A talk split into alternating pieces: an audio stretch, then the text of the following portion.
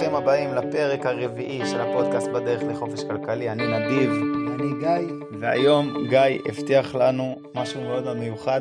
גיא הולך לספר לנו על ההשקעה הראשונה שהוא עשה בגיל. לפני ארבע שנים. לפני ארבע כמה הייתי לפני ארבע שנים? בן 26?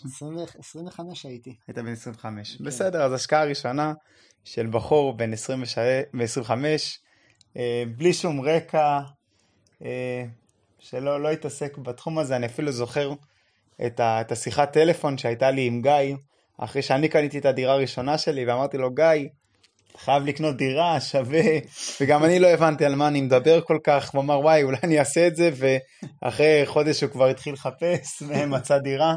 והיום גיא הולך לספר לנו קצת על הסיפור, אה, איך הוא מצא את הדירה, מה הדירה, אה, וכולי. אז קודם כל באמת, אה, אני, המחשבה אפילו לא עברה בראשי. היה לי בראש שדירה זה דבר יקר, וזה משהו שקונים אולי בגיל 40 או 50 או 30 ו- והרבה. ונדיב ככה נתן לי איזה...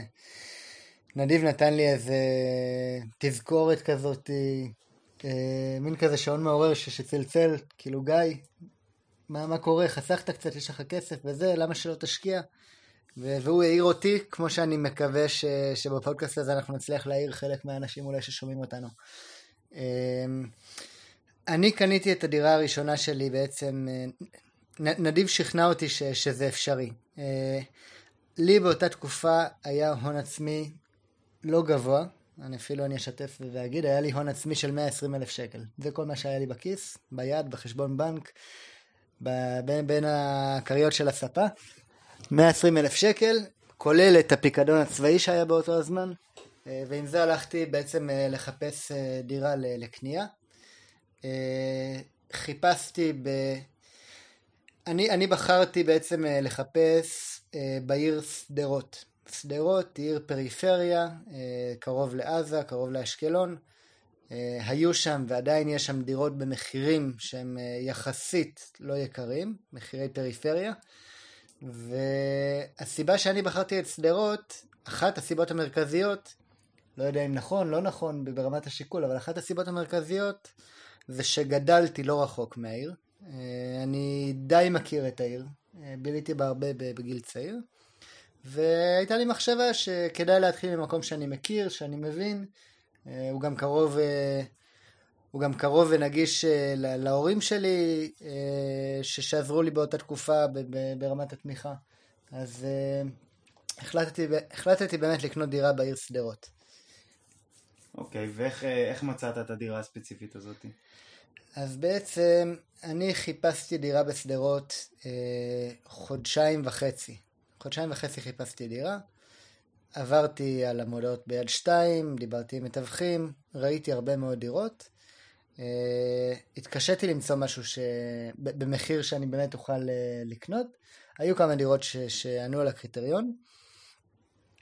וכבר עמדתי ממש לפני סגירה אה, עם מוכר מסוים, עם מתווך על דירה מסוימת, כשככה ממש במקרה מישהו ש, שגר בבניין שאני גרתי בו, גרתי במרכז באותה תקופה, גם עכשיו, מישהו אמר לי שהוא מכיר מישהו שמוכר דירה בשדרות. דבר איתו. הוא אמר לי, הוא נתן לי את הטלפון, דיברתי איתו.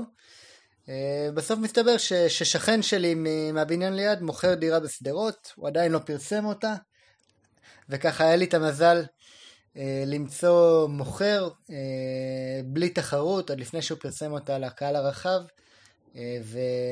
והגעתי, ראיתי את הדירה, נראה לי, ו... ובעצם סיכמנו על, על מחיר ועל מכירה. יפה.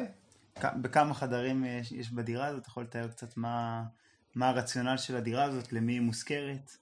כן, אז uh, העיר שאני בחרתי להשקיע בשדרות היא עיר עם uh, אוכלוסייה, uh, אוכלוסייה יחסית, אני לא אגיד מבוגרת, אבל אוכלוסייה בוגרת רגילה, ועם קהילת סטודנטים די גדולה. יש שם מכללה, בעיר יש 24 אלף תושבים ו-8,000 סטודנטים.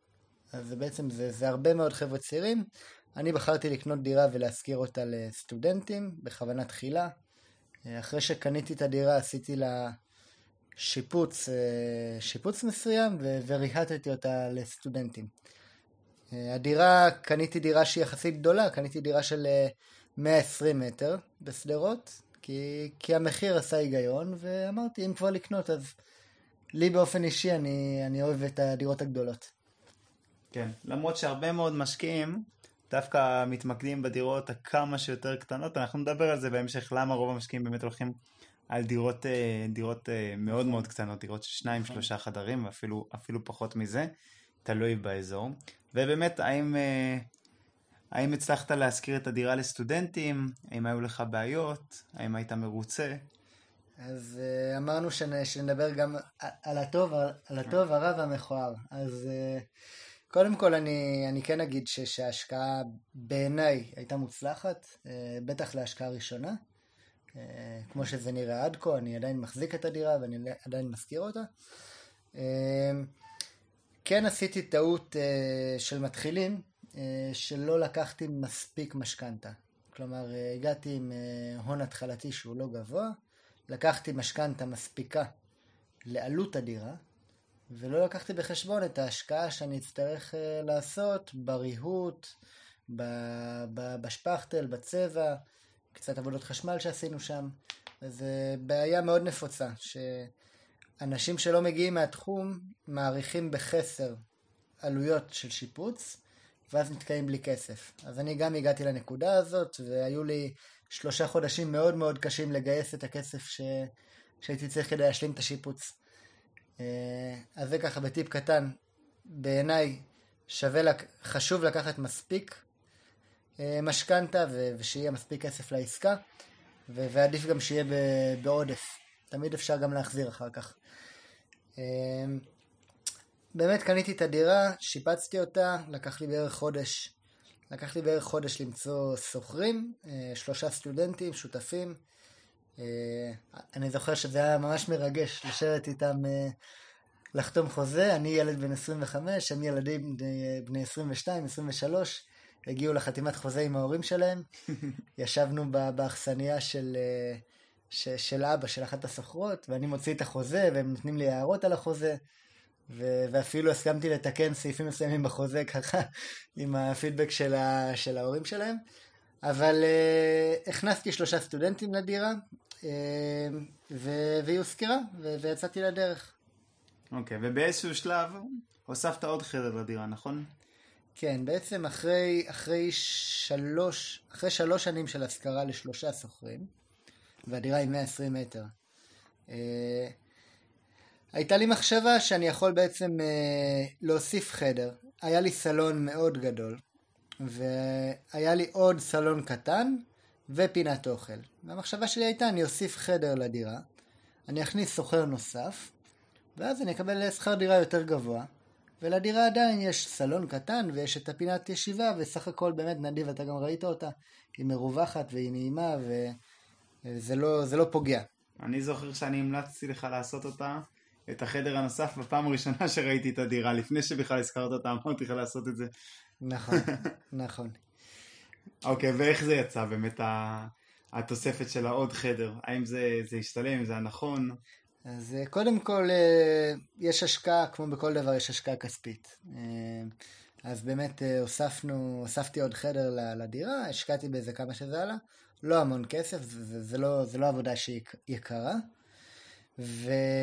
ובאתי להוציא אותה לשכירות, וגיליתי להפתעתי ש... שאני לא מצליח למצוא שוכר רביעי. כלומר, יש לי שלושה שוכרים בדירה, ו... ואני לא מוצא מישהו שרוצה להיכנס בעצם רביעי בדירה. אה, ו... אני ו... מניח שזה אומר שרוב הדירות שמושכרות לסטודנטים, הן מושכרות לשלושה סטודנטים. נכון? זה, זה הנורמה. כן, בשדרות אה, לשלושה סטודנטים, אפילו לשניים. בתל אביב... מתפנקים שם במחירים הנמוכים. כן, אז בעצם באזורים שהם עם ביקוש יותר חזק, לסוחרים הצעירים מאוד חשוב עניין המחיר. כלומר, חבר'ה שגרים בתל אביב, ב- בירושלים, אה, באזורי ביקוש, המחירים של השכירות הם מאוד יקרים, ויש לך קהל לא קטן של חבר'ה שרוצים לחיות במחירים אה, סבירים. ומה שקורה בפריפריה, בשדרות לפחות, ואני בטוח שבעוד ערים... בבאר שבע, כן.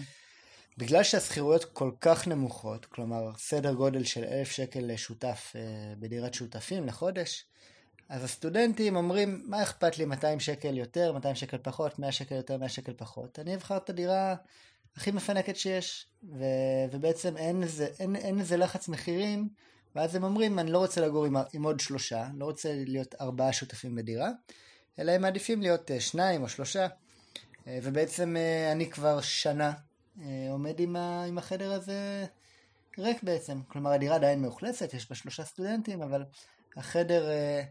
אני, אני מאמין גם שאני אצליח להשכיר אותה לארבעה שותפים, אבל אני לא בטוח שזו הייתה החלטה נכונה, להוסיף את החדר הזה. Okay. כלומר, אוקיי. יכול להיות שבצורה שאנחנו מסתכלים על ההשקעה של דירה למגורים, כן, אנחנו בעד למקסם את, ה, את השכירות, את התשואה כמובן, אבל אה, צריך גם לחשוב בעצם ו, ולהבין מה, מה הביקושים, איפה שאנחנו קונים, איפה שאנחנו משקיעים. אני חושב ש, שמה שהיה חסר לך פה זה קצת חקר שוק, נכון? לא הלכת לשאול סטודנטים בשדרות, תגידו, אתם הייתם רוצים אולי לגור בדירה ארבעה שותפים? אני מניח שאם היית הולך ושואל אותם, יכול להיות שהיית מחליט לא, לא, לא, לא, לא לפצל לעוד חדר נוסף. יכול להיות. וזה משהו שבאמת באמת מאוד חשוב, לא משנה איפה אתם קונים, אם זה באזור ביקוש או לא אזור ביקוש, חובה להבין מה השכונה, מי הסוחר, אתה, אל תחשבו על מוצר שאתם אוהבים. כשאתם עושים עסקה אתם מחפשים מוצר שמישהו אחר יאהב. אתם כשאתם קונים דירה, אתם כבר חושבים, לפני שחתמתם חוזה על הדירה, למי אני הולך להשכיר אותו, או למי אני הולך למכור אותו. האם אני הולך למכור אותו למשקיע אחר, שמסתפק ברווח, בתשואה יותר נמוכה ממני? האם אני הולך למכור אותו למשפחה שרוצה את דירת החלומות שלה? האם אני הולך למכור אותו לזוג צעיר? האם אני הולך למכור אותו או להשכיר אותו לסטודנטים? אוקיי? מה הסטודנטים ש... שאיפה, ש... שהם גרים רוצים? נגיד, אה, תוך כדי שדיברת חשבתי על הדירה שהכרתי את אשתי, בדירת סטודנטים בירושלים. כל הדירה היא 80 מטר, 80 מטר, שישה סטודנטים גרים בדירה מקופצצים, ומרגישים שהם עשו מציאה של החיים, שהם סגרו דירה ב-2,000 שקל לשותף. וזה, וזה נכון, ו, ואם אתה מכיר את השוק שאתה נכנס אליו, אז אתה גם יודע למה אה, להתאים את עצמך. מה אתה חושב על הצד של להשקיע בשדרות? אתה כבר בהקדמה אמרת קרוב לעזה וקרוב לאשקלון. אמרתי להבדיל, אבל, אה, אבל אה, ברור שאנחנו רואים שאפילו מאז שקנית, יש אה, ירי של קסאמים, יש תקופות של מתיחות, בלוני תבערה, כל מיני עניינים כאלה. אני, ברור לי שזה מרחיק הרבה מאוד משקיעים מהעיר שדרות, מה שיכול בהחלט, כמובן גם לייצר בהחלט. אפשרויות. מצד שני, האם אתה לא רואה בזה משהו שגם עלול להיות איזשהו חסם לעליית מחירים באזור? תראה, אני, אני גדלתי מאוד קרוב לשדרות, אני גדלתי בקיבוץ אה, מאוד קרוב לשדרות, וכמו שאמרתי, אני מכיר את האזור ומכיר את העיר, וגם גדלתי בתוך כל אותם בלאגנים של, אה, של קסאמים וצבע אדום ובלונים וכולי. אז, אה, אז אני מכיר אותי, אני מכיר את, ה, את המטריה, ואולי זה אפילו קצת פחות, קצת פחות הפחיד אותי. בדיעבד, אחרי שאני מזכיר את הדירה כבר ארבע שנים, ו, ו, ואני רואה גם את מגמות המחירים, אני נכנס ואני מתעדכן ואני קורא. אמ, כן, תשמע, אין ספק שזה, שזה עלול להיות, אה, שזה יכול להוות אה, עקב מאוד רציני להתפתחות. אבל אה, מצד שני, כן, עדיין מגיעים גם בשדרות, גם במקומות רחוקים, גם במקומות עם בעיות כאלה ואחרות. עדיין מגיעים אנשים לגור ולחיות.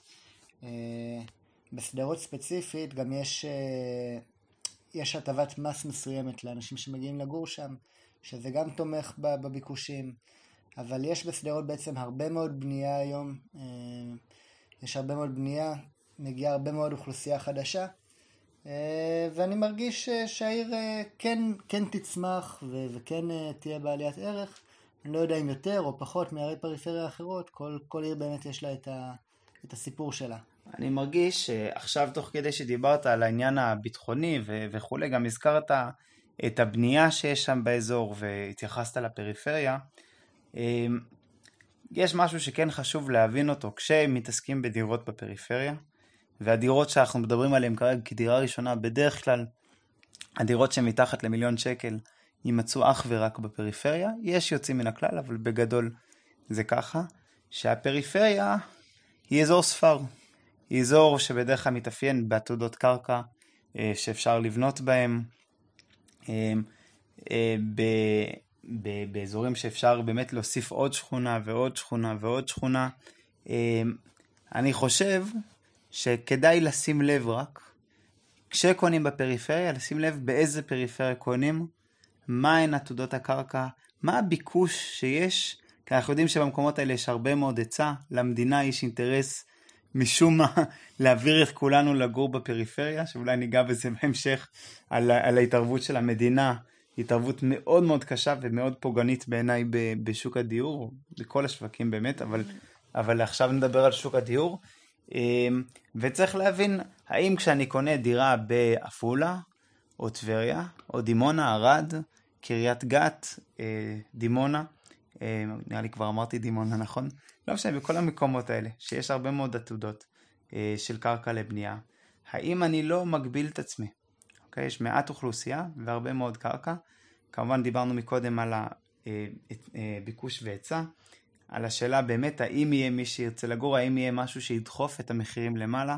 אנחנו באופן כללי תמיד תמיד רוצים לקנות במקום שיש שיש סך הכל גל של ביקוש אה, חיובי, של עליית מחירים, אה, של רצון של אנשים אה, לחיות שם. כן, כן, ללא ספק. בסדר. אז נראה לי אנחנו נקפל להיום, נכון? כן, זה, זה היה הסיפור של ההשקעה. זה היה הסיפור על ההשקעה. ב... ועוד פעם, אנחנו מספרים לכם את הסיפורים האלה, כדי, כמובן, זאת לא המלצה ש... שמחייבת אותנו מבחינה משפטית.